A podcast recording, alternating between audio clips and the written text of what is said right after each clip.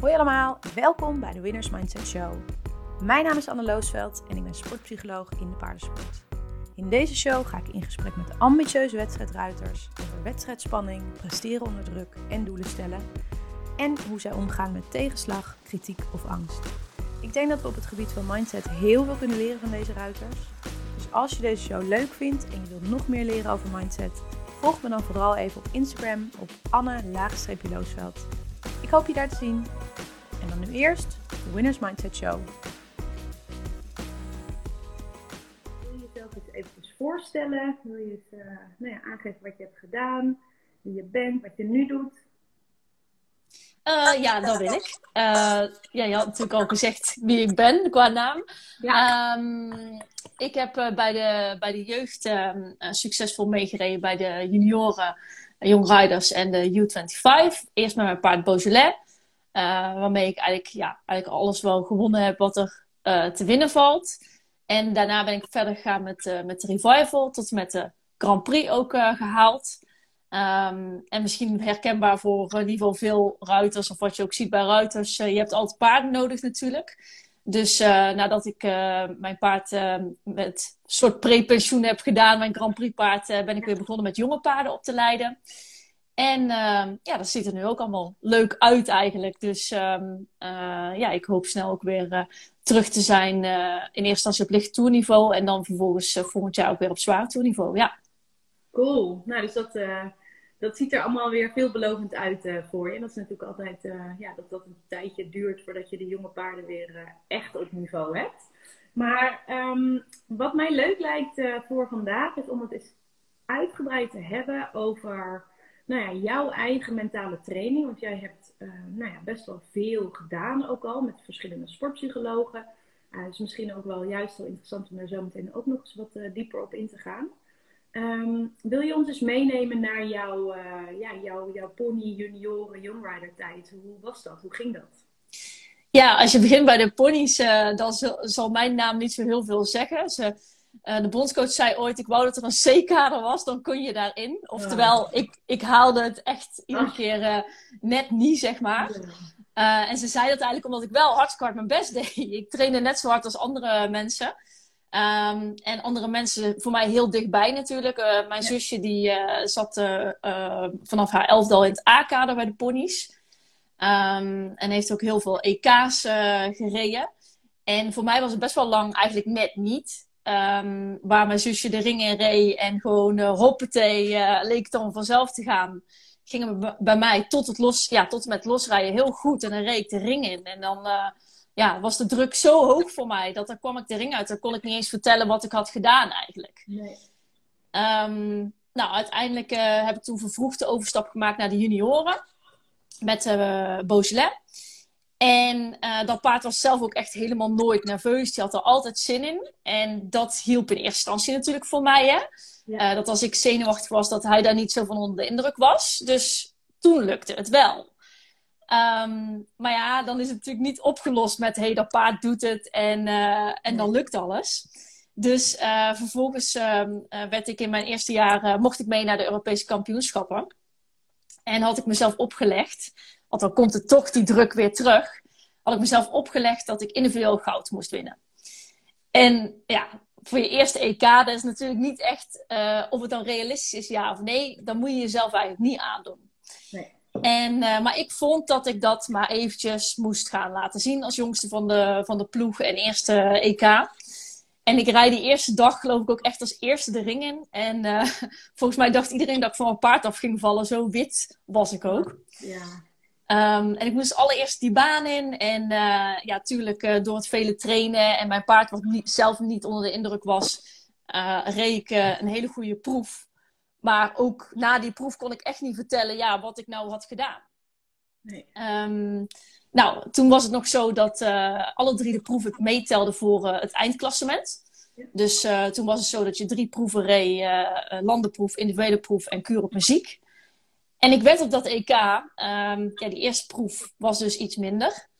Maar vervolgens werd ik dus twee keer derde. En dat leverde uiteindelijk een vierde plek op. Dus je wil goud en dan zit je zo dicht bij de medailles. Terwijl je weet dat je die eerste dag echt um, ja, het niet, ja, niet goed wil ik niet zeggen, maar dat je het in ieder geval mentaal gewoon niet op een rijtje had. En toen uh, zei de toenmalige bondscoach uh, Jan Peters, die zei tegen mij, die vond het ook zo zonde, die denkt, jezus, uh, dat had gewoon een medaille kunnen zijn. dus die zei tijdens het EK, die zei, als we terugkomen, dan ga jij maar eens naar een sportpsycholoog. Yeah. Um, en hij heeft mij toen gelinkt aan Rico Schuijers. Um, dus dat was voor mij het begin dat ik in aanraking kwam met, um, ja, ga maar eens praten met iemand, want dit, is, dit is gewoon zonde. Ja, hey, en als we heel even inzoomen daarop, hè? Eh, want hoe oud was jij toen? 15. 15. Ja. En um, je, je geeft eigenlijk al aan hè, dat je dus heel erg eigenlijk ook niet meer kon navertellen, dat je dus echt hè, zo uh, hoog in je, in je stress zit dat je eigenlijk er niet eens meer echt heel bewust bij bent en gewoon op de automatische piloot je proeven door hebt gereden. Waar had jij nog meer last van op dat moment? Wat, wat merkte jij misschien fysiek of mentaal? Wat had je voor gedachten? Was je daar al bewust van? Je was best wel jong ook. Nou, het is sowieso wat ik al vertel. Als je tegen jezelf zegt, uh, je moet individueel goud halen. Terwijl ik eigenlijk als jongste bij de ploeg was. En um, ja, ik eigenlijk ook nog gewoon mocht genieten, gewoon überhaupt van erbij zijn. Ja. Uh, dus ik denk dat het vooral ook het plezier in, uh, in de sport um, vermindert, laat ik het zo zeggen. Dus jezelf zo, je bent zo gefocust op dat ene moment en niet echt op een positieve manier. Nee. Um, dus ik denk vooral wat ik merkte is dat ik uh, um, ja, minder plezier had. En ook minder bewust natuurlijk zo'n mooie ervaring waar in Italië, in de bergen. En ja. ook al die begeleiding die erbij komt kijken, is gewoon eigenlijk super mooi. En het enige waar je aan kan denken is: ik moet, ik moet, ik moet. En ja, dan kan je er ook niet echt meer van, van genieten, zo gezegd. Nee. En uh, merkte jij ook dat juist door die ik moet, ik moet, ik moet, uh, je ook veel spanning had? Dus ook in je lichaam, dat je dus daardoor ook minder goed reed? Ja, ik had die, die eerste dag uh, kwamen we wel door. Maar je wil op een EK, je wil, je wil juist op zo'n moment dat alles bij elkaar komt. Dat je daar de beste proef rijdt. Ja. Daar heb je voor getraind. En daar wil je ook oogsten, zeg maar. Voor alles wat je ervoor hebt gedaan en gelaten. Ja, precies. Ja. En toen kwam, kwamen jullie thuis. Hoe, voelde jij je? Dus wat, wat, hoe, ja, wat, wat waren jouw ja, je gedachten en je emoties daarover? ja, ik dacht wel zo. Ik zat zo dicht bij een medaille dat ik echt dacht, zonde van die eerste dag. Want die andere twee waren gewoon uh, op mijn eigen niveau, zo gezegd. Um, en ook wel, ja, Lotje Schoots won toen goud, individueel goud. Um, en ik zag dat van dichtbij en dat ik ook echt wel dacht van, uh, wow, wat knap. Ik weet niet, van wat dacht ik wel niet. Uh, ja, dat, dat, is natuurlijk echt niet iets wat je zomaar even uit je mouw schudt. Um, ja, en ik ben toen vrij snel naar Rico gegaan. Ja. Um, ja, en toen gingen we daarover, uh, daarover praten. En het eerste wat er gebeurde was dat hij mij meer... Hij liet mijn persoonlijkheidstest bijvoorbeeld ook doen, hè. Waarbij hij mij ook inzicht gaf. Ik weet nog heel goed een inzicht... Uh, en dat geldt nog steeds een beetje tot de dag van vandaag. Is dat ik iemand ben um, die heel hard wil en kan werken. Maar daardoor dat ik eigenlijk structureel zo hard werk dat ik op de dag van de wedstrijd eigenlijk een beetje op ben. Dus dat is een patroon wat toen werd uh, geconstateerd van eigenlijk doe, wil je er zoveel aan doen dat op de dag dat het moet gebeuren of dat je wil dat het gebeurt, um, dan heb je eigenlijk ja, een soort van alles al gegeven. Ja. Uh, dus dat is wel iets wat mij heel erg bij is gebleven en waar ik nog steeds wel eens tegen mezelf moet zeggen: oké, okay, plan even een dagje in de week vrij, want um, uh, ja, dat hoort ook gewoon een beetje bij mij. Ja, ja. En wat, wat, wat hebben jullie verder, um, wat heb je daar geleerd in die tijd bij Rico? Ja, wat heb ik geleerd? Is in eerste instantie dus ja, echt jezelf, jezelf leren kennen, zo gezegd. Maar ook um, bijvoorbeeld visualiseren. Visualiseren van je proef, maar ook visualiseren van het moment. Dat je dus wil dat alles samenkomt. Om daar vooraf over na te denken.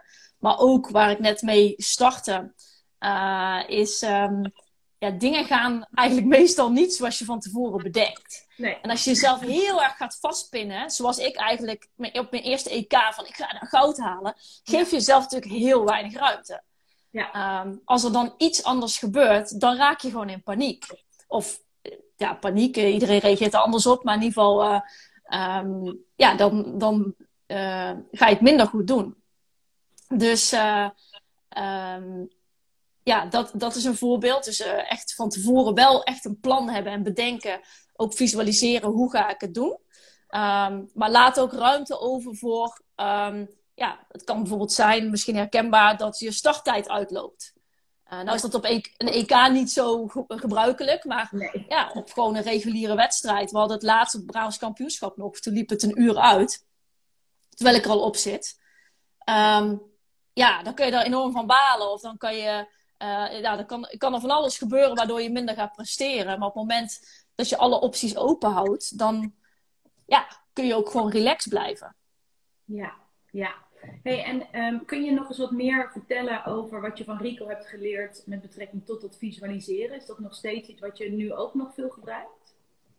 Ja, dat is. Uh, ik heb van Rico vooral geleerd. Visualiseren is. Uh, pak een soort fotomoment. Hè. Je rijdt de ring in. Dat je van tevoren al bedenkt hoe voel je je. Wat denk je op dat moment. Dus dat je echt van tevoren jezelf al voorbereidt van. Uh, uh, ja, hij noemde dat een soort fotomoment. Hè? Je rijdt de ring in en dan. En ik kan me ook goed herinneren dat ik toen tegen hem zei: Ik rijd de ring in en dan denk ik: Oh, iedereen verwacht iets van mij. Of uh, die kijkt. Of ik, ik, was alleen maar bezig met wat er dan op me afkwam, zeg maar. Ja. dus dat, ja, die verwachtingen van anderen. En op het moment dat je daar een soort foto van maakt, en dan zegt hij: In welk gevoel wil je zitten? Uh, je wil vooral denken, ik rijd die ring in, ik doe dit overgangetje nog rondom de baan bijvoorbeeld. Um, en dan blijf je gewoon gefocust. Dus um, uh, ja, dat is bijvoorbeeld iets met visualiseren. En ja, later heb ik dan ook nog uh, bij Sanne Beierman getraind. Ja. En dan ging het echt over visualiseren van de proef. dus dat ik echt al. Ja. Ja, dus echt al van uh, je rijdt de AC-lijn op en dat je echt jezelf naar die C ziet rijden. Waar kijk je naar? Waar denk je aan? Um, ja. dat is dus van tevoren rij ik eigenlijk mijn hele proef. Um, waarbij ik precies, dat is ook wel weer een bruggetje, kijk naar wat is mijn taak op dat moment. Hè? Um, dus Rico die gebruikt het model ik en mijn taak. Hè? Het model uh, over focussen, als ik het goed heb. Um, dus dat is ook nog steeds iets wat ik gewoon iedere wedstrijd uh, vooraf bedenk. Ik rijd die AC op. Oké, waar moet ik aan denken? Wat is mijn taak als ruiter op dat moment? Ja, ja. Hey, en als we dan weer heel even uh, naar de chronologische tijd gaan. Hè? Dus dan, um, dat was jouw juniorentijd dat je toen uh, met Rico aan de slag bent gegaan. Um, en wat ik heel mooi vond eigenlijk in ons voorgesprek, was dat jij toen ook aangaf van ik, ik, ben en bij Rico geweest en bij Sanne. En zij hebben mij eigenlijk allebei heel erg veel technieken geleerd. Hebben mij echt ja, geholpen om dat mentale stuk echt te ontwikkelen en sterker te worden. Kun je daar eens iets over uitleggen? In, um, want ik spreek natuurlijk ook heel veel ruiters. En ik hoor heel vaak van ja, ik ben nou eenmaal zo. Ik ben gewoon zo um, uh, timide. Of ik ben zo onzeker. Of, of ik kan dit gewoon niet zo goed. Uh, jij bent eigenlijk echt een schoolvoorbeeld. Uh, zeker als je inderdaad zo meteen ook uh, toe wil vertellen hè, over je gouden medaille. Dat dit dus heel erg trainbaar is. Wil je daar eens wat over uitleggen? Ja, misschien zal ik eerst even het verhaal afmaken, want ik ben dus bij Rico begonnen. Nou, dan is het niet meteen beter. Dan is het niet meteen zo dat, hé, hey, nou kan je in één keer een supergoed... Nou kun je in één keer op het juiste moment de juiste dingen doen. Um, maar wat ik al zei, het starten bij jezelf leren kennen. Want ik kan allerlei tips geven. Alleen het gaat er toch om wat er voor jou werkt. Ja. Dus ik heb vooral moeten uitvinden van, ja, wat zijn mijn... Uh, waar sta ik eigenlijk uh, sterk, hè? Wat zijn mijn goede punten? Uh, dat is bijvoorbeeld een goed punt voor mij. Ik kan makkelijk improviseren. Uh, maar ik weet van mezelf ook dat ik minder detailgericht ben. Wat in de dressuur natuurlijk belangrijk is. Ja. Dus uh, nou, het jaar erop mocht ik weer mee naar het EK. En uh, toen ging ik eigenlijk gewoon dezelfde fout in. Ik wil goud halen. Ik wil individueel goud. Um, en dat werd geen vierde plaats, maar een zevende plaats. Wat helemaal niet slecht is of zo. Maar ja, dat was nog een stukje verder van die gouden medaille af. Ja, ja, ja. dus het was niet dat het in één keer dan ja, perfect ging, zeg maar. En um, nou, uiteindelijk heb ik twee jaar bij Rico getraind. En toen mocht ik een derde keer naar het Europese kampioenschap. En toen heb ik van tevoren ook aan Rico gevraagd. Van, ik zeg ja, ik zeg de afgelopen twee jaar waren Lotje Schoots en Diederik van Silvoud altijd eigenlijk boven mij. Hè? Dus ja. Ehm, ja, dat was ook wel weer drukverlagend. Dat je ook weet van het wordt heel moeilijk om te winnen. Maar ja, zij waren overgegaan naar een nieuwe klasse, naar die Riders. En ja, ik stond er eigenlijk als beste van de groep voor. Wat ik echt verschrikkelijk vond. Ja. ja, dat klinkt heel stom, maar dat vond ik dus een hele moeilijke positie. Uh, en ik zei dus ook tegen Rico, ik zeg ja, maar wat nou als mensen gaan zeggen tegen mij, misschien win, win je wel. Hè? Want ja, mensen praten tegen je, dat is ook heel fijn. Um, maar dat vond ik de grootste druk. Als mensen suggesties gingen doen van, oh je gaat het heel goed doen of het gaat je lukken. Nou, dan klapte ik echt uh, um, dicht. Ja. Dus ik heb ook van tevoren een aantal scenario's met hem besproken van ja, grote kans dat mensen dus, ja, heel positief natuurlijk, maar echt wel gaan zeggen, nou, dit is je kans. En, um... en mag ik je nog even uh, onderbreken? Dat was ook jouw laatste mogelijkheid, hè? Ja, in ieder geval bij de junioren inderdaad. Ja. Speelde dat uh... ook een rol? Dat de druk, zeg maar, om het nu te moeten doen... in combinatie met het feit dat zij hè, door waren, dat ze er niet meer waren? Nee, want ik denk uh, wat ik toen in ieder geval goed heb gedaan, is um, wat ik heel erg kan doen, is de druk dus op een bepaald moment leggen. Hè? In, dus echt van nu moet het gebeuren. En ik denk, uh, zeker ook omdat, uh, um, omdat het paard ook van ons was, zeg maar, dat ik wel, ik had meer plannen dan alleen het EK. Ja, uh, ik wilde daar natuurlijk daarna in Young Riders rijden. Dus ik had het grotere plaatje wel ja. um, in beeld. En dat is ook wel heel belangrijk, want dan komt de druk ook niet per se op één wedstrijd nee. te liggen. Nee. Um, dus ik had met Rico besproken van ja, oh jee, dadelijk gaan mensen zeggen, je hebt een, uh, um, een grote kans om te winnen. Ja. Dat was van mij worst case scenario. En toen stonden we op dat EK. En toen was ik echt mega, ja, toen was ik ook mega zenuwachtig. maar goed, gefocust op ik en mijn taak uh, en dingen gedaan die bij mij pasten. Dus ik vind het dan bijvoorbeeld heel fijn om uh, s ochtends al een keer te rijden. Want ik weet, dan ben ik heel zenuwachtig en in mezelf gekeerd. Maar als ik er dan afkom, dan ontspan ik eigenlijk helemaal. En dan ben ik die eerste druk, zeg maar, helemaal kwijt. Dus dat had ik ook iedere dag gedaan. Ja, toen ging het hartstikke goed. Twee keer uh, in de top drie uh, gestaan al. En toen kwam die finale. En inderdaad, zei tegen mensen tegen mij... Um, ja, ja, misschien is dit wel je kans. dus daar had ik van tevoren op getraind. Dat Rico zei, je hebt twee scenario's. Um, of je zegt, nou, daar heb je helemaal gelijk in, dat klopt. En je denkt gewoon, oké, okay, ik ga weg. Uh, ja, je een beetje overbluft. Maar goed, dat past niet bij mij. Um, of je houdt je gewoon heel erg op de vlakte. En je zegt, nou, we zullen eerst nog maar eens gaan rijden. Um, dus dat was meer mijn tactiek. Van ja, weet je, zeg zelf gewoon hoe je het vindt. En ja, dat is oké. Okay. Je moet eerst nog maar eens de ring in rijden. Ja. Um, en er zijn zoveel scenario's dat ik al denk, ja, oké, okay, als je een hele goede proef hebt gereden, dan, ja, dan kun je daarna natuurlijk, uh, is er nog tijd om zenuwachtig te zijn. Ja. Of te denken, misschien win ik wel. Um, en dat was ook, ja, voor mij eh, kwam gewoon op dat moment qua focus alles bij elkaar. Ja, en toen was ik klaar. En toen werd ik natuurlijk heel zenuwachtig van, um, ja, dan hoop je gewoon, is het genoeg? Ja. Ja. En dat was het gelukkig ook. Maar ik wist ook gewoon op dat moment, ja, dit was alles wat ik had. En um, ja, dat is een van de keren dat ik ook de flow had, uh, zoals, ze dat, uh, zoals ze dat noemen. Dus dan weet je ook niet meer wat je gedaan hebt, maar dan in positieve zin. Dan is alles gewoon goed gegaan. Ja. Ja. ja. Hey, en wat was toen jouw, uh, was dat de, de, keer dat je inderdaad die gouden medaille daar had? Ja. Dus toen, um, ja, was het nog afwachten hoe uh, twee concurrenten uh, uit Duitsland gingen doen.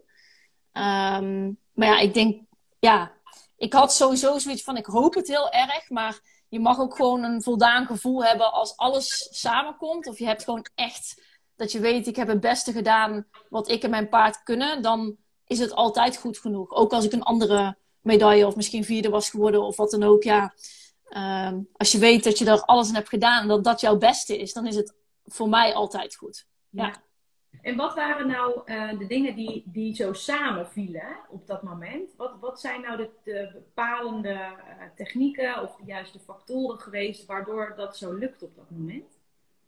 Ja, ik vind het belangrijkste is dus dat ik me dus heel erg focus Ehm, als je kijkt naar de cirkel van aandacht, tenminste voor mensen, google het eventjes, de cirkel van aandacht. Ja. Dan uh, ja, is de hoogste vorm natuurlijk van focus is dus ik en mijn taak.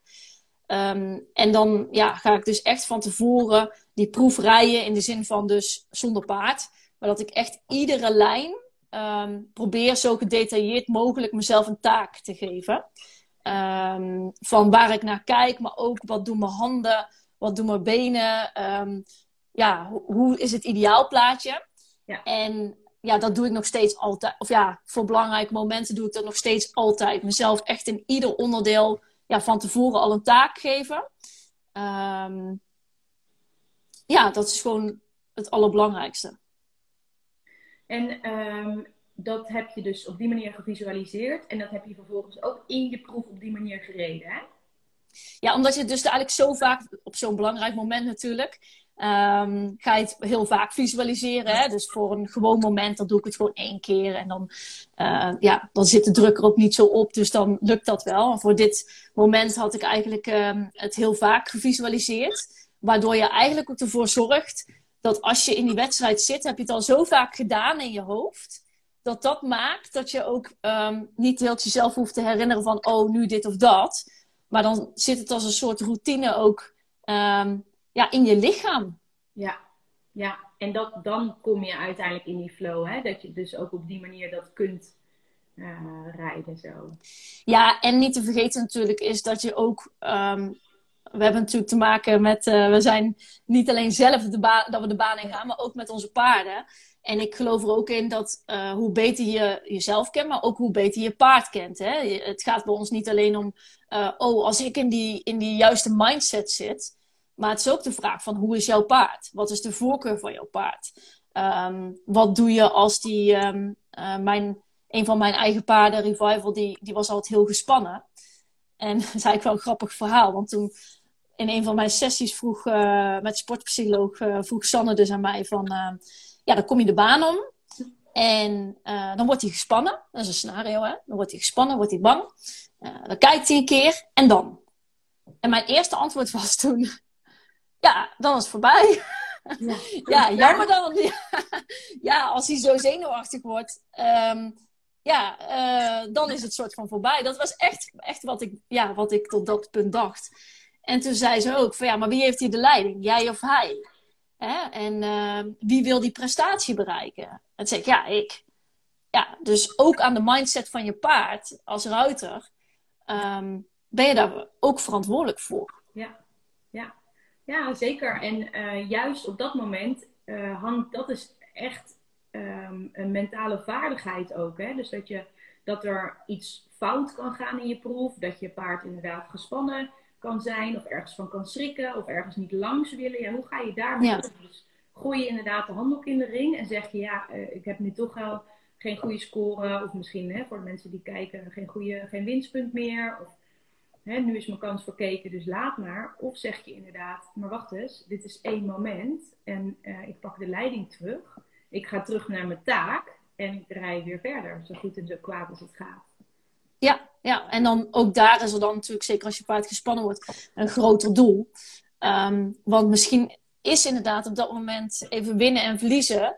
Uh, misschien is het daarmee ook wel de wedstrijd verloren, zo gezegd. Maar in het grotere plaatje is het zo dat je wel ervoor kan zorgen dat als je nu het goed oplost, dat de volgende keer de oplossing zich sneller aandient. Ja. Um, of is de grote winst in ieder geval wel dat je meer vertrouwen, uh, zowel van je paard, maar ook in, als combinatie hebt gekregen. Ja. ja, en ik geloof ook heel erg in dat het ook een vaardigheid is die je moet trainen. Dus je moet ook um, trainen in hè, dat, dat er dingen misgaan, dat er dingen anders lopen dan hè, dan gepland. En dat je dus daar ook sneller in wordt. Dat is niet iets wat je, nou ja, waar je of mee geboren bent of wat je nooit leert. Hoe vaker je dat kunt oefenen. Ja, en als dat op een groot kampioenschap gebeurt en je moet het daar oefenen, ja, dat is natuurlijk best wel vervelend. Um, maar hè, er komen waarschijnlijk nog, meer wedstrijden, nog meer kampioenschappen. Dus dan is het wel goed dat je het inderdaad een kans aangrijpt om, er, om, om het te oefenen. Ja, en ik denk ook daaraan, het is niet alleen het plan van de wedstrijd. Hè? Kijk, als je naar een kampioenschap toe werkt, dan wil je ook um, van tevoren misschien nog een wedstrijd of uh, van tevoren een aantal wedstrijden uh, rijden om ook wat uit te proberen, zeg maar, van wat werkt. Ja. Ehm, en dat is sowieso natuurlijk wel de reis die we maken met onze paarden. Is we kijken gewoon iedere keer weer wat werkt. Ja. En dat is meteen ook wel een mooi onderwerp. Hoe bereid jij je voor voor een wedstrijd? Wat, is, wat zijn jouw routines? Um, nou, ik maak sowieso altijd um, uh, een, een, weekplan, zeg maar, voor de wedstrijd. Van ja, hoe wil ik trainen? Wanneer wil ik hem een dagje vrijgeven, bijvoorbeeld? Hè? Of, um, nou ja, ik heb er ook eentje, daar weet ik zeker dat ik hem altijd even één keer in de week moet longeren. Gewoon even een beetje op zichzelf moet laten. Ja, dan moet je dat natuurlijk wel van tevoren plannen. Ja. Dus dat, ja, ik kom altijd met een weekplan van hoe ga ik in die week, uh, welke dagen ga ik rijden? Wanneer ga ik misschien een keer mijn proef? Wanneer ga ik lessen? om een plannetje te maken van ja, hey, wat ga ik dan deze week doen? Um, en per paard is natuurlijk wel een beetje verschillend. Hè? Dat is ook het leren kennen van je paard. Is wat doe je de dag van tevoren? Uh, sommige paarden vinden het juist heel fijn om dan nog um, best wel flink intensief te rijden, bijvoorbeeld. Maar sommige paarden is, is, het ook beter om gewoon een beetje la la te rijden, uh, zodat ze geen spierpijn hebben de dag daarna. Um, dus dat is gewoon heel belangrijk om daar gewoon goed te uh, kijken wat de voorkeur is van, uh, van je paard. Um, ja, en op de wedstrijddag zelf, ja, weet je, hoe, hoe lang ga ik losrijden? Um, dat betekent ook dat ik weet hoe laat ik er moet zijn. Weet je, hoeveel tijd calculeer ik in om me op te zadelen? Um, maar ik bedenk ook altijd, wat ga ik doen met losrijden?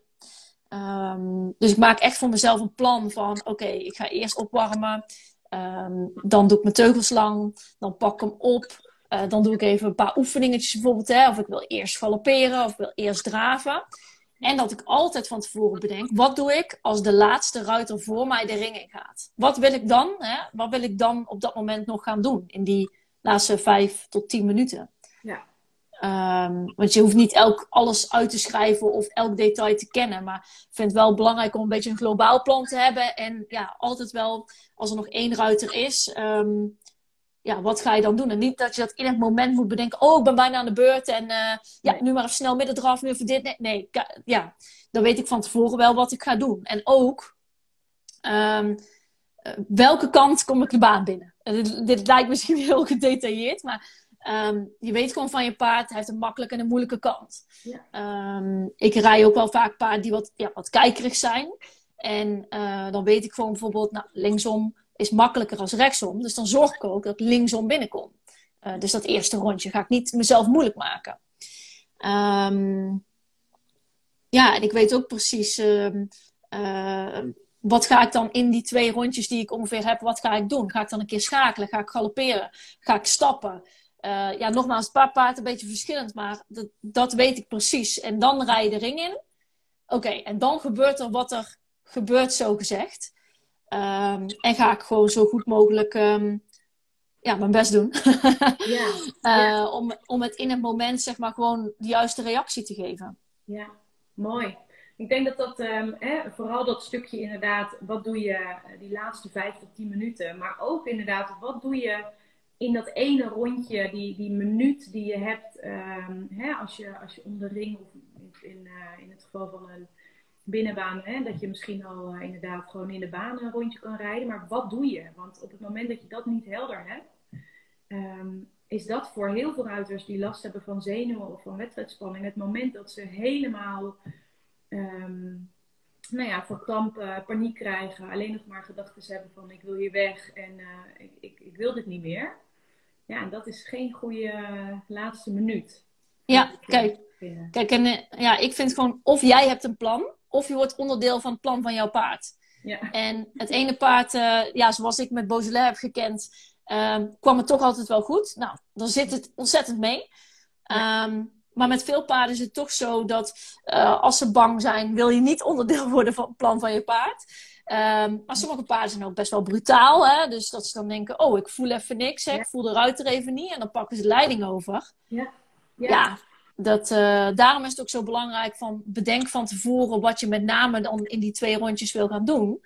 Want als jij het plan hebt, dan is de kans groter dat dat paard gaat volgen dan wanneer je denkt, ik zie even wat er gebeurt. Ja, ja.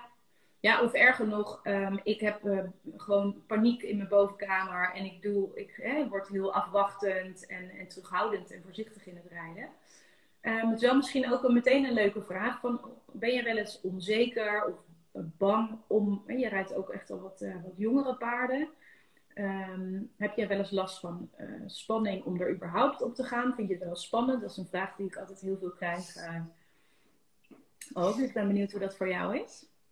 Um, ja, ik ben niet echt van, uh, van ik weet gewoon zadelmak maken doe ik niet meer. Um, maar dat vind ik echt een vak apart. Um, dus daar zijn echt specialisten voor die, uh, die dat gewoon beter kunnen als wat ik, uh, wat ik kan. Ja. op een jong paard, zeker als ik een paard gewoon nog niet zo goed ken, vind ik het vaak best spannend. Maar ook dan, dan maak ik van tevoren ook wel een plan van ja, hoe ga ik het aanpakken. Ik ga niet erop zitten en kijken wat er gebeurt. Nee. Um, stel je voor als het echt een jong paard is, dat er even iemand uh, nog een rondje meerijdt. Dat ik even kijk van, weet je, hoe reageert hij? Is hij loperig of heeft hij juist de rem erop? En dan maak ik ook een beetje mijn plan. Um, en een plan is sowieso van, als ik erop zit, uh, tempocontrole. Dat vind ik heel belangrijk. Maar ook controle over waar heeft hij zijn hoofd, hals. Um, en dan op het moment dat je die dingen aan jezelf vraagt tijdens het rijden, dan zit je ook in het hier en nu dan zit je ook bij je paard. Dan ben je ook niet bezig met andere dingen. Maar als ik denk, hé, hey, is dit mijn tempo? Wil ik harder? Kan ik een beetje harder? Kan ik zachter? Ja, dan ben je ook bezig, ook weer eigenlijk met ik en mijn taak. Um, maar in ieder geval, dan ben je ook niet bezig. Stel, uh, iemand anders is luidruchtig met opzadelen op de poetsplaats, ik noem maar wat. Ja, als ik op dat tempo aan het focussen ben, dan ben ik niet bezig met alles wat er uh, in de gang gebeurt. Ja, ja. Ja, en dat is ook echt de magie van rijden met taakdoelen. Hè? Dus inderdaad, jij in je taak. En uh, ja, dan, dan ga je echt merken dat je je focus echt ontzettend verbetert. Hè? Ja, en um, uh, ik heb ook wel eens, uh, dan krijg ik bijvoorbeeld gedachtes. Oh, ja? volgens, mij had je, volgens mij had je het ook over, over, over, onzekerheid hoor. Maar dan zit ik op zo'n paard en dan denk ik ook wel eens, oeh, oeh. ik had gisteren bijvoorbeeld, um, zat ik op paard van een lesklant. En toen kwamen best wel in één keer een paar mensen kijken van stal. Oh. Van die stal. Ja. En toen schoot het door mijn hoofd dat ik denk van... Oeh, oeh, um, vinden ze mij een goede ruiter? Uh, vinden ze eigenlijk wel dat ik hier met dat paard goed aan het rijden ben? Het schiet gewoon in één keer door je hoofd, hè? Ja. Um, en vervolgens denk ik, oh wat stom dat ik dit denk. Waarom denk ik dit? Wat ook allemaal niet helpt. nee, nee, nee. Daar weer een voordeel over.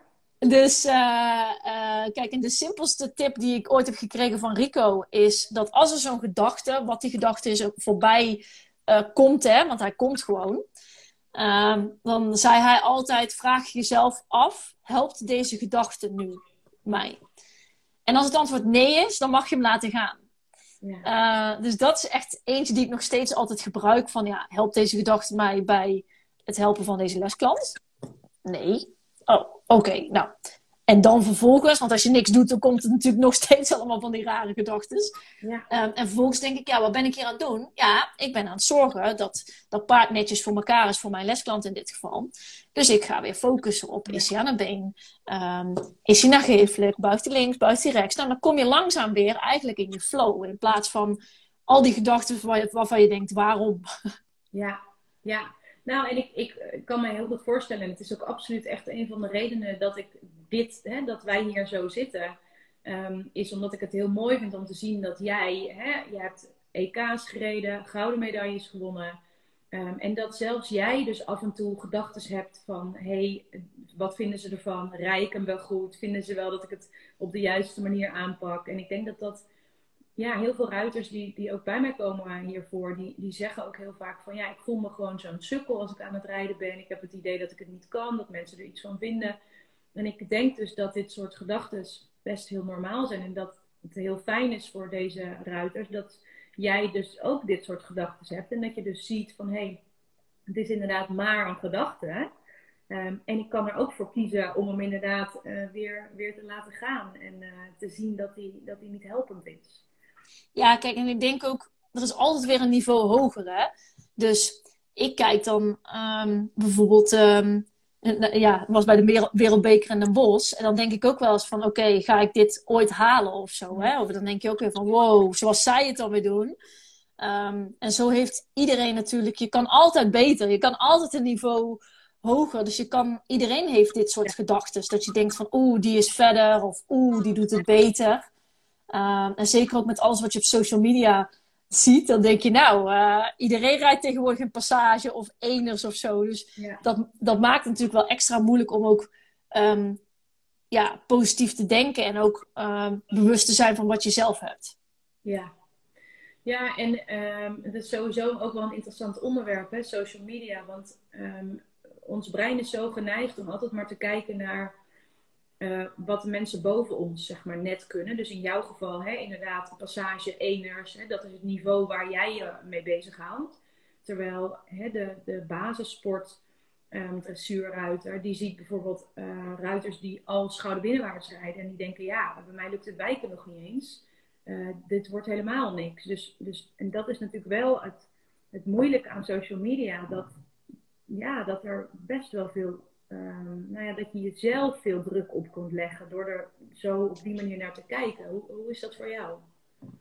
Ja, ik, uh, ik heb dat ook. Maar ik probeer ook altijd te denken, even... Ik vind bijvoorbeeld heel inspirerend hoe Dinja van Lieren bijvoorbeeld rijdt, hè. Um, maar dan bedenk ik me altijd, voor haar is er ook weer iemand die boven haar staat. Ja. Of um, uh, die dan nog hoger scoort dan haar. Of weet je wel, of waar je denkt, oké, okay, uh, zij zal ook nog wel opkijken tegen tegen mensen. Um, en ik probeer altijd, of probeer, ik um, wil vooral kijken van waarom ik blij ben met bijvoorbeeld de paarden die ik heb. Of met de mogelijkheden die ik heb. Ja. Um, en uiteindelijk is de mening bijvoorbeeld van. de mening in dit geval vind ik van, van mijn moeder bijvoorbeeld. Of de mening van mijn trainster Adelinde Cornelissen. Gaan boven. In, de rang, in mijn rangorde gaan die boven de mening van mensen in de bak, bijvoorbeeld die uh, iets zouden zeggen of op social media. Ja. Um, en dat zijn wel belangrijke reminders, want als je naar iedereen zijn mening luistert of alleen maar denkt, oh ja, die doet het zus of die doet het zo, um, ja, dan maakt het jezelf heel moeilijk. Ja. Um, ik wou nog iets zeggen over, over social media, maar dat komt zo wel. want ben jij zelf eh, volg jij bijvoorbeeld zelf ook veel mensen en ben je je bewust van wat dat met jou doet? Met de impact van de mensen die je op social media ziet? Nou, ik, ben, ik heb echt heel veel mensen ontvolgd. Nou, klinkt, voor, mij klinkt... is dat echt een, een wereldtip. Ja, dus ik, uh, ik vraag mezelf altijd af, als je kijkt naar paarden mensen, hè, dan denk ik altijd, inspireert het mij? Ja. Nee, dan, ga, dan ontvolk ik gewoon. Niet omdat die persoon niet aardig vindt, maar omdat ik iedere keer dan ja voor mij persoonlijk het negatieve energie uh, geeft.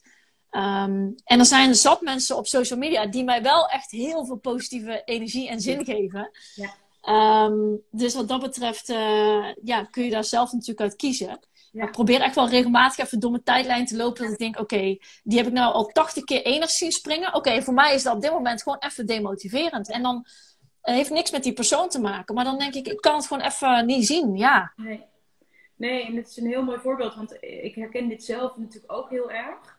Um, niet alleen op, um, op, op rijtechnisch, maar ook op ondernemersvlak, op hoe mensen eruit zien, wat ze doen, waar ze wonen, wat ze eten. Het is natuurlijk eigenlijk ook het hele pakket in, in wat we zien op social media. En ik stel mezelf inderdaad ook heel vaak de vraag van hoe voel ik me als ik deze beelden zie? Word ik daardoor geïnspireerd? Denk ik, oh wauw, vet, wat cool, wat leuk? Of, eh, of voel ik me jaloers, hè, of een beetje zo klein dat ik denk, oh, hmm, zij wel, ik niet. Hè, welk gevoel krijg ik van iemand? En dat zegt niks over die ander, dat zegt alles over mij. Ja. Uh, maar hè, dat is, en, en dat is dus best wel gezond, denk ik, om, om mensen dus inderdaad te ontvolgen. Ja, en het kan best zijn dat op een ander moment dat ik mensen gewoon weer terug ga volgen hoor. Het is dus soms ook een fase. Wat is het? Waar, je, waar je in zit. En ehm, kijk, als je jezelf heel ongelukkig wil maken of niet succesvol wat, wil zijn, dan moet je het volgende doen. Dan moet je proberen op een ander te lijken. Um, want als je probeert te doen wat die ander doet, ja, dat is echt een soort uh, uh, recept uh, voor. al zou het je lukken, dan word je er zelf in ieder geval niet blij van. Um, dus daarom, ja, ik wil graag ook tips delen, maar het is ook, je kan het alleen op je eigen manier doen, dat wil ik ook wel zeggen. Um, dus als je jezelf leert kennen en ook in ons geval, in onze sport, je paard goed leert kennen, ja, dan kan je voor jezelf ook gewoon een goed plan maken. Of, uh, um, maar je kan alleen maar doen wat in jullie kracht ligt um, en niet hoe, hoe een ander het doet. Nee, nee, absoluut. Hey, en ehm, een vraag die ik ook nog ehm, kreeg is: wat zijn nou voor jou grote tegenslagen geweest en, en hoe ben je daar uh, mee omgegaan? Nou, sowieso heb ik uh, twee hele goede paarden uh, moeten verkopen. Of in ieder geval, uh, die zijn verkocht. Um, nou, in eerste instantie was het natuurlijk uh, Beaujolais, waarmee ik gewend was eigenlijk overal mee te doen. Op elk kampioenschap ook, ook voor een medaille te gaan, zo gezegd. Ja. Um, dus toen die werd verkocht, um, ja, dan mijn eigen paard was lang niet zo stabiel. Of Revival was lang niet zo stabiel. Um, dus dat was wel weer een, echt een weg van, oh, uh, je moet jezelf dan wel weer opnieuw uitvinden, zo gezegd. En hoe doe jij ehm, dat dan? Dat, want dat klinkt natuurlijk heel mooi altijd, maar hoe ziet dat er in de praktijk uit? ja, ik zou zeggen vallen en opstaan. Nee, nee maar wel, wel, van, um, wel van wedstrijd naar wedstrijd, maar toch een wedstrijd eruit ben, zo gezegd. Hè? Dus voor mij zijn dat, dat eigenlijk de informatiemomenten als je naar een wedstrijd gaat.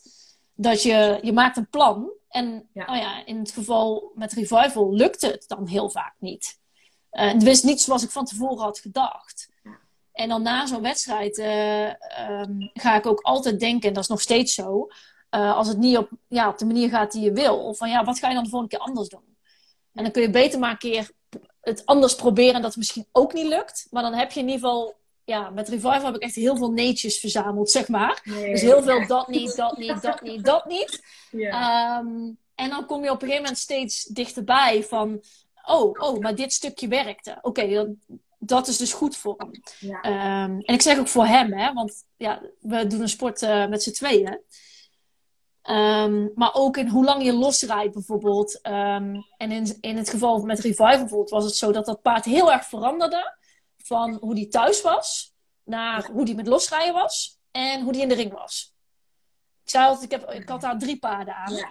En dat kan natuurlijk in onze sport ook heel erg. En dat betekent dat je niet één plan hebt, maar dan heb je, heb je drie plannen. Je hebt een trainingsplan, je hebt een plan voor je losrijden. En dan in de ring begon ik toch weer op nul. Dat is niet erg, maar dan moet je precies weten, oké, maar dat ga ik doen als ik om die ring heen rij. Ja, ja. ja en um, want, want hoe, hoe ben jij dan daar zo flexibel in geworden, dat snelle schakelen? Nou, ik denk dat het sowieso start met iets heel graag willen. Ehm, en dan bedoel ik ook, ik wilde heel graag dat ik met dat paard, um, ja, dat was echt mijn, uh, mijn maatje zo gezegd, um, een bepaalde klik, wilde ik sowieso heel graag dat ik dat met hem ging doen. Want als, als dat er niet was geweest, dan had ik beter kunnen stoppen, zeg maar. Want dan, uh, ja, dan begint het wel echt mee met iets heel, uh, ja, met iets heel graag willen. Ja. Uh, en als je dan zeker weet dat je het wil, zo gezegd, ja, dan uh, ga je daar een trial and error. Oftewel, ja, je gaat op, in de ring de informatie ophalen. En um, ja, ook een trainer is in, hier gewoon heel belangrijk in. Ja, ja. Um, dus ja, en ik ben met hem op een gegeven moment ook uh, van trainer gewisseld. Um, en ja, dat klinkt dan een beetje hard, maar ik wist gewoon van, ik heb, ik ben toen naar Ricky Jong gegaan.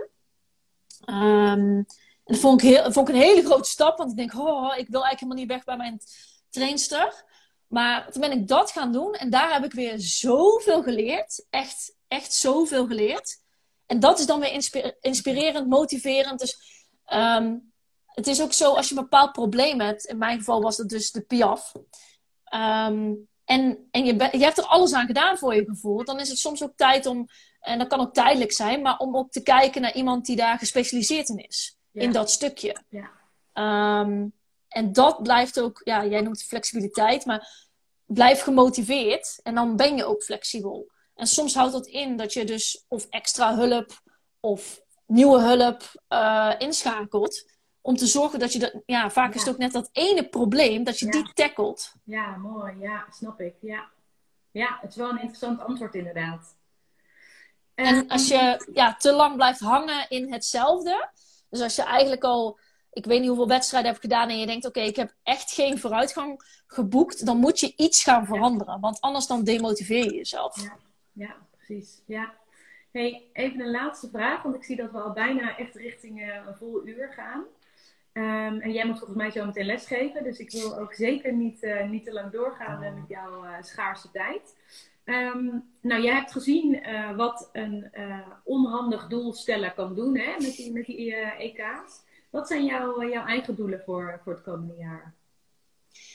Oh, dat is een ja, leuke vraag. Um, nou, ik uh, um, wil uh, van de zomer ZZ Zwaar gaan starten met mijn uh, paard King, die ik afgelopen winterseizoen dan Z2 heb gereden. Ja. dus die wil ik nu, ja, in ieder geval nu een, een, kleine trainingsperiode en de puntjes op de i zetten voor het, voor het ZZ Zwaar. En ondertussen, als je kijkt naar een groter doel, zijn we ook bezig met al um, een stukje Piaf aan de hand. Um, dus ook in het grotere plaatje, zeg maar, uh, kijk ik echt ontzettend naar uit om, uh, ja, om, om dat werk ook gewoon uh, op te gaan pakken. Ja. Um, en verder train ik nog wat jonge paarden voor, voor klanten. Ja, daar is het ook, die mogen straks ook mee naar een wedstrijd toe en dergelijke. maar ik moet ook wel zeggen dat ja, King ook wel voor mij een paard is wat zo aan mijn hart ligt dat je ja, dat is zo'n drive dan die je hebt om dan voor het grotere doel, en in dit geval het grotere doel is dan Grand Prix rijden. Um, dus ja, dus ik kijk komend jaar enorm naar uit om, uh, om daar stappen richting dat uh, doel te zetten. Ja. En um, ja, ook, dan kan ik ook natuurlijk uitkijken naar leuke wedstrijden, grotere wedstrijden ook weer. Uh, ja, en verder vind ik het ook echt ontzettend leuk om, om les te geven. Dus ik kijk eigenlijk ook wel uit naar het zomerseizoen. Uh, dat uh, de mensen die ik lesgeef, uh, die gaan ook weer lekker op wedstrijd. Yes. Ehm, dus ik hoop ook, ja, ook met hun, zeg maar, dat je...